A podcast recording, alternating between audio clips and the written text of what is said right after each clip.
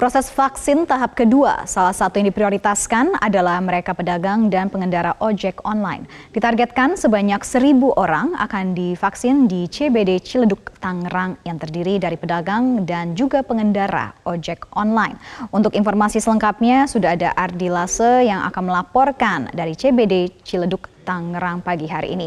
Selamat pagi Ardi, bisa Anda jelaskan bagaimana proses vaksinasi hingga saat ini dan berapa orang yang sudah divaksin? Proses vaksinasi saat ini tepatnya di tempat saya berdiri saat ini yaitu di CBD Ciledug, Tangerang berlangsung sedang berlangsung seperti kita saksikan di belakang saya saat ini antusias masyarakat untuk mengikuti proses vaksinasi ini. Dan berdasarkan informasi pemerintah Kota Tangerang akan melakukan proses vaksin secara massal kepada masyarakat di mana berdasarkan informasi yang kami dapat uh, ada beberapa tempat yang akan dilakukan tempat vaksin pada hari ini antara lain tempat saya berdiri saat ini yaitu di Mall CBD Ciledug di mana targetnya yaitu 1.100 peserta. Lalu di Pasar Lama sebanyak 700 peserta dan terakhir di Terminal Poris Polawat yaitu sebanyak 1.000 peserta yang akan divaksin. Dan telah dikerahkan setidaknya 260 tenaga kerja tenaga kesehatan dari Dinas Kesehatan yang akan melakukan proses vaksin pada hari ini. Dan untuk mengetahui informasi dan proses vaksin pada hari ini, sekarang saya sudah bersama Dr. Liza Puspadewi, Kepala Dinas Kesehatan Kota Tangerang. Halo Bu, selamat pagi. Selamat pagi. Ya, Bu, bisa dijelaskan Bu bagaimana proses vaksinasi pada hari ini seperti apa Bu? Jadi proses vaksinasi pada hari ini ini adalah hari kelima vaksinasi di Kota Tangerang.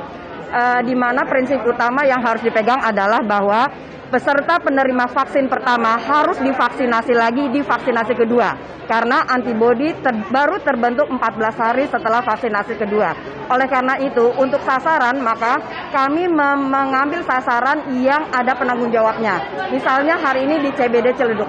E, sasarannya yang kami ambil adalah sasaran dengan penanggung jawab e, OPD Indakop dengan e, penanggung jawab adalah e, PD e, dari PD dari Ciledug sendiri sehingga sasaran sasaran yang kami dapatkan adalah sasaran yang kami yakinkan akan hadir di vaksinasi yang kedua. Bu, dikatakan bahwa uh, yang divaksin pada hari ini adalah para pedagang dan juga uh, pengemudi angkutan umum. Bu. Bisa dijelaskan Bu bagaimana proses bagi mereka yang belum mendaftar dan sasarannya dan sasaran untuk para pedagang pedagang yang seperti apa, Bu? Untuk sasaran yang belum terdaftar, maka segera daftarkan diri Anda ke penanggung jawab dari eh, PD pasar tersebut sehingga data data saudara bisa masuk ke kami dan kami akan migrasikan ke uh, aplikasi Peduli Lindungi. Sama seperti juga dengan pengemudi angkutan umum, maka silakan untuk mendaftarkannya di uh, di uh, penanggung jawab organisasinya, kemudian bisa mengirimkan datanya ke Dinas Kesehatan lewat email, kemudian kami akan memigrasikannya ke Peduli Lindungi. Baik, terima kasih banyak Ibu waktunya. Iya, Sarah dan juga pemirsa memang dikatakan bahwa untuk CBD Mall ini sendiri target sasarannya itu karyawan dan juga pedagang yang berjualan di CBD Mall Tangerang ini. Dan juga tadi dikatakan target sasarannya yaitu yaitu pedagang CBD Mall sendiri, Pasar Borobudur dan Pasar Senopati. Aparat kepolisian Polres Merauke menangkap tiga orang warga sipil yang kedapatan membawa senjata api rakitan. Dari tangan tersangka, polisi mengamankan enam pucuk senjata api rakitan yang siap pakai. Aparat kepolisian Polres Merauke kembali mengamankan dua orang pelaku dan satu pucuk senjata api rakitan yang tersimpan di sebuah rumah di Kampung Tomerau, Distrik Naukenjerai, Kabupaten Merauke. Temuan satu pucuk senjata api bersama dua pelaku ini merupakan pengembangan yang dilakukan aparat kepolisian setelah menangkap seorang warga berinisial AG pada Senin malam yang kedapatan membawa lima pucuk senjata api beserta puluhan amunisi. Dengan demikian, total senjata api yang berhasil diamankan polisi berjumlah enam pucuk, terdiri dari tiga pucuk senjata api jenis M16 dan tiga pucuk senjata api laras panjang. Dari tangan ketiga tersangka yang diamankan, polisi juga mengamankan barang bukti berupa satu unit mobil, enam pucuk senjata api rakitan, dua peredam, satu teleskop, 38 amunisi kaliber 5,56 mm, dan sejumlah peralatan las. Dari hasil pemeriksaan, para tersangka mengaku membawa senjata tersebut untuk berburu Namun pihak kepolisian masih mendalami keterangan tersebut karena senjata yang dibawa tidak termasuk senjata pemburu, melainkan senjata milik aparat TNI Polri. Saya masih mencurigai kalau berburu kan tidak perlu dengan senjata banyak begini untuk apa? Untuk apa? Tadi malam itu tiga pucuk siap pakai, lima laras siap dirakit, dua peredam dan dua tele untuk 800 eh, 350 yard atau 1 kilometer. Ini ternyata kita kembangkan lagi pagi kita dapat lagi dua dengan tersangka baru dengan puluhan amunisi yang sudah kita data. Semua kalibernya 556. Sangat amat berbahaya. Kenapa saya bilang begini? Peluru ini ada di angkatan darat dan kepolisian. Nah, berarti ini kelompok yang tidak main-main. Sedangkan kalau senjata berburu itu kali, kalibernya ada tertentu, kalibernya 762 khusus untuk berburu. Dan kalau memang hanya untuk berburu, kan dia terdata di kita. Dia terdata di perbakin dan khusus diawasi oleh kita. Nah, ada izinnya. Dan tidak perlu banyak senjata, satu senjata bisa nembak 20 ekor. Ngapain ini? Puluhan mahasiswa baru Universitas Halu Oleo Angkatan 2020 mengalami kekerasan yang dilakukan oleh seniornya saat latihan dasar kepemimpinan di Kendari, Sulawesi Tenggara pada minggu kemarin. Puluhan mahasiswa baru Universitas Halu Oleo mengalami kekerasan dengan cara dipukul dan ditendang oleh seniornya. Aksi perpeloncoan ini diduga dilakukan oleh pengurus himpunan mahasiswa jurusan dari Fakultas Keguruan dan Ilmu Pendidikan Universitas Halu Oleo Kendari di Pantai Nambo, Kota Kendari, Sulawesi Tenggara. Wakil Rektor Universitas Halu Oleo Nur Arofah mengatakan pihaknya akan menelusuri aksi perpeloncoan dan memerintahkan pihak fakultas untuk segera memberikan tindakan. Kampus pun tidak bertanggung jawab atas aksi yang dilakukan oleh para mahasiswa dan tidak akan melakukan pendampingan jika kasus ini dibawa ke ranah pidana. Selain itu, pihak kampus menyatakan kegiatan latihan dasar kepemimpinan yang diikuti oleh 79 mahasiswa angkatan 2020 tidak mendapatkan izin dari pihak fakultas. Ada kegiatan-kegiatan yang mengatasnamakan sivitas akademika di luar prosedur yang digariskan dalam uh, surat edaran rektor, maka itu di luar pengetahuan institusi, di luar pengetahuan institusi. Tentu juga kami kaget juga karena kami juga baru mengetahui setelah video itu viral. Meski sudah menjadi perhatian serius, hingga saat ini kasus perpeloncoan dan kekerasan di dalam lingkungan pendidikan belum juga usai. Pagi hari ini kita sudah terhubung dengan Ketua Komisi 10 DPR RI, Syaiful Huda. Selamat pagi, Pak Huda. Pagi, Mbak Sarah. Ya Pak Huda, untuk kasus kekerasan dan perpeloncoan ini terus terjadi terutama di institusi pendidikan. Bagaimana regulasi dan pengawasannya sebenarnya Pak sejauh ini? Ya saya kira via kampus dan Kemendikbud eh, tidak cukup hanya membuat peraturan yang eh, ketat. Memang selama ini sudah ada aturan yang sifatnya imperatif dan eh, sudah relatif ketat. Tapi itu tidak cukup.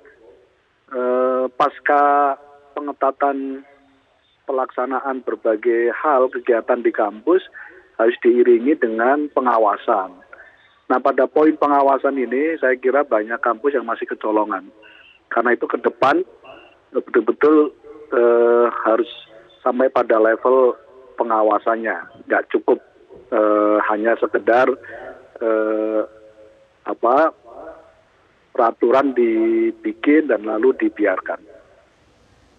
Baik, kecolongan Pak Huda. Oleh karena itu bagaimana melihat langkah ke depan yang bisa dilakukan, terutama melihat peristiwa yang terjadi di Kendari? Ya, saya merasa tren ini pasti akan terus terjadi ya. Eh, aktivitas kegiatan yang sifatnya menggunakan cara kekerasan ini, ini cenderung naik di berbagai kampus. Nah, karena itu eh, kita ingin eh, sejak dari awal seluruh sivitas akademik Eh, pihak rektorat dan pihak mahasiswa, eh, terus kemudian dari berbagai fakultasnya duduk bersama merumuskan eh, semua hal. Semangatnya adalah kampus harus zero dari kekerasan. Nah sekali lagi untuk konteks itu harus ada kerjasama dengan berbagai pihak, eh, termasuk sinergi untuk melakukan monitoring dan pengawasan atas semua kegiatan eh, mahasiswa, kemahasiswaan maksud saya. Nah karena ini sudah terjadi, Mbak Sarah, saya mendorong supaya ini dilakukan evaluasi dan eh, dilakukan dialog secara baik-baik.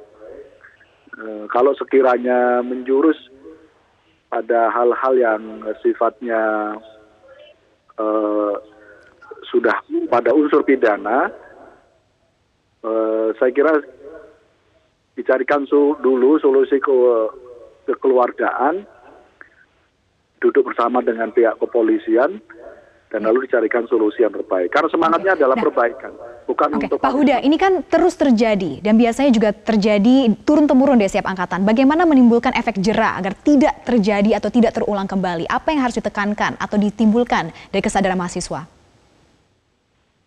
Ya sering kali kan pihak mahasiswa kadang juga merasa masih longgar, masih belum ada monitoring pengawasan yang ketat. Boleh saja eh, regulasinya eh, tidak membolehkan, tapi merasa pengawasan dan monitoringnya nggak jalan misalnya. Ya. Itu dua hal yang eh, apa saling berkelindan dan saling dimanfaatkan oleh eh, banyak pihak. Nah karena itu menjadi penting duduk bersama dialog itu untuk merumuskan supaya kampus zero dari kekerasan ini. Komisi Pemberantasan Korupsi membenarkan penyidiknya tengah menyidik kasus dugaan penerimaan hadiah atau janji terkait perpajakan pada Direktorat Jenderal Pajak Kementerian Keuangan. Meski demikian, KPK belum membeberkan kasus ini secara lengkap dan belum mengungkap tersangkanya. Dalam keterangan pers secara virtual, PLT juru bicara KPK Ali Fikri menyampaikan belum dapat mengungkap siapa saja pihak-pihak yang ditetapkan tersangka terkait adanya kebijakan KPK yang akan mengumumkan status seseorang menjadi tersangka setelah dilakukan upaya paksa penangkapan maupun penahanan. KPK akan menyampaikan secara lengkap konstruksi kasus perpajakan ini termasuk juga mengungkap pihak-pihak yang ditetapkan sebagai tersangka berikut pasal-pasal yang disangkakan.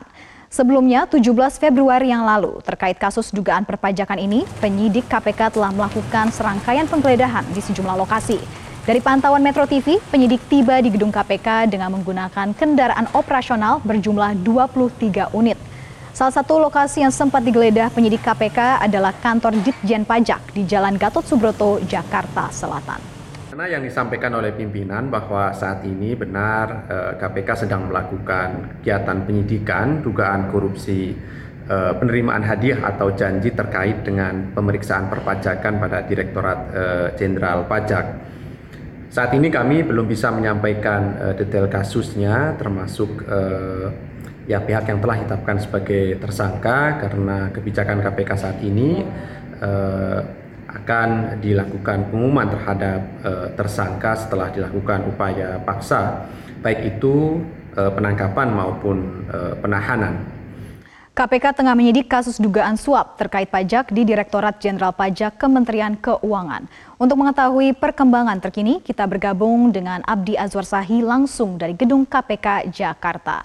Selamat siang, Abdi. Bagaimana perkembangan terkini penyidikan kasus dugaan suap Dirjen Pajak? Hingga saat ini kami masih menanti keterangan resmi dari pihak KPK terkait dengan seperti apa ataupun sudah sejauh mana perkembangan penyidikan atas kasus dugaan suap di uh, Direktorat Jenderal Pajak Kementerian Keuangan yang diinformasikan melibatkan salah satu pejabat dari Direktorat Jenderal Pajak. Dan hingga saat ini kami juga masih menanti keterangan resmi sudah seperti apa perkembangan terkininya. Namun meski demikian dari KPK juga sudah mengatakan bahwa pihaknya telah melakukan uh, penggeledahan di sejumlah tempat untuk mengumpulkan barang bukti atas kasus dugaan suap di Direktorat Jenderal Pajak. Namun dari KPK pun masih hingga saat ini enggan untuk memberikan informasi secara rinci ada berapa tempat yang digeledah ataupun beberapa barang bukti yang sudah disita oleh KPK. Kami masih menanti keterangan resmi tersebut. Dan Sarah terungkapnya kasus dugaan suap ini juga bermula dari keterangan Wakil Ketua KPK Alexander Marwata yang mengatakan bahwa adanya dugaan penerimaan hadiah atau janji terkait pemeriksaan e, uh, perpajakan pada Direktorat Jenderal Pajak, di mana modusnya ini juga dikatakan KPK sudah uh, sama seperti beberapa kasus yang pernah ditangani oleh KPK. Di antaranya uh, modus yang ditemukan dalam kasus ini dikatakan uh, adalah penerimaan, dugaan uh, penerimaan hadiah dari Direktorat Jenderal Pajak dari wajib pajak yang di mana dari wajib pajak ini meminta untuk nilai pajaknya menjadi rendah. Namun hingga saat ini kami juga masih terus menanti keterangan resmi dari pihak KPK apa saja modus ataupun motif dari eh, kasus dugaan suap di Direktorat Jenderal Pajak. Sementara itu menanggapi adanya kasus ini, Menteri Keuangan Sri Mulyani juga mengatakan bahwa pihak yang terlibat ataupun yang diduga terlibat dalam kasus ini juga sudah dibebas tugaskan dan yang bersangkutan ini juga sudah mengundurkan diri. Namun dari uh, Sri Mulyani ataupun dari KPK belum menyebutkan siapa pejabat ataupun pihak yang terlibat dari Direktorat Jenderal Pajak ini yang telah dibebas tugaskan dan telah mengundurkan diri. Di mana uh, pengunduran diri ini tentunya untuk mempermudah proses penyidikan dan juga pengumpulan uh, alat dan juga barang bukti dalam dugaan kasus suap ini. Sarah Ya Abdi, apakah sudah ada informasi terkait berapa orang tersangka yang sudah ditetapkan? Ya, Sarah, pertanyaan yang sama juga menjadi pertanyaan kami dan juga awak media lainnya yang ada di sini. Siapa saja tersangka yang terlibat ataupun ada berapa tersangka yang diduga turut terlibat dalam kasus dugaan suap di Direktorat Jenderal Pajak ini karena hingga saat ini dari KPK masih belum memberikan keterangan resmi atau eh, press release kepada kami dan juga awak media lainnya. Namun untuk saat ini memang proses pemeriksaan dan juga penyidikan masih terus berlangsung. Di antaranya dari KPK juga telah memeriksa beberapa saksi, namun saksi-saksi yang diperiksa ini masih uh, sejauh uh, terkait pembayaran pajak pajak itu seperti apa? Karena KPK masih uh, terus ingin mendalami dari kasus ini dan siapa saja pihak-pihak terlibat termasuk wajib pajak yang memberikan suap ini juga masih didalami ataupun uh, di telusuri oleh KPK dan ataupun sudah ada pihak-pihak yang ditetapkan sebagai tersangka KPK kami masih belum tahu berapa jumlahnya. Inisialnya siapa saja dan juga pejabat-pejabat dari Dirjen Pajak yang terlibat kami masih menanti. Sementara itu yang dapat kami informasikan bahwa tadi sekitar kurang lebih 10 menit yang lalu ada rombongan uh, mobil dengan plat uh, bernomor uh, RI 11 dan juga RI 74 yang masuk ke area mobil, lobby di gedung KPK ini. Namun kami tidak memantau adanya menteri ataupun pejabat negara yang turut-turut turun dari mobil eh, rombongan tersebut. Apakah juga rombongan itu nantinya akan melakukan pemeriksaan juga di gedung KPK? Kami belum tahu. Nanti kami akan menanyakan langsung kepada KPK terkait dengan rilis resminya di pemeriksaan pada hari ini.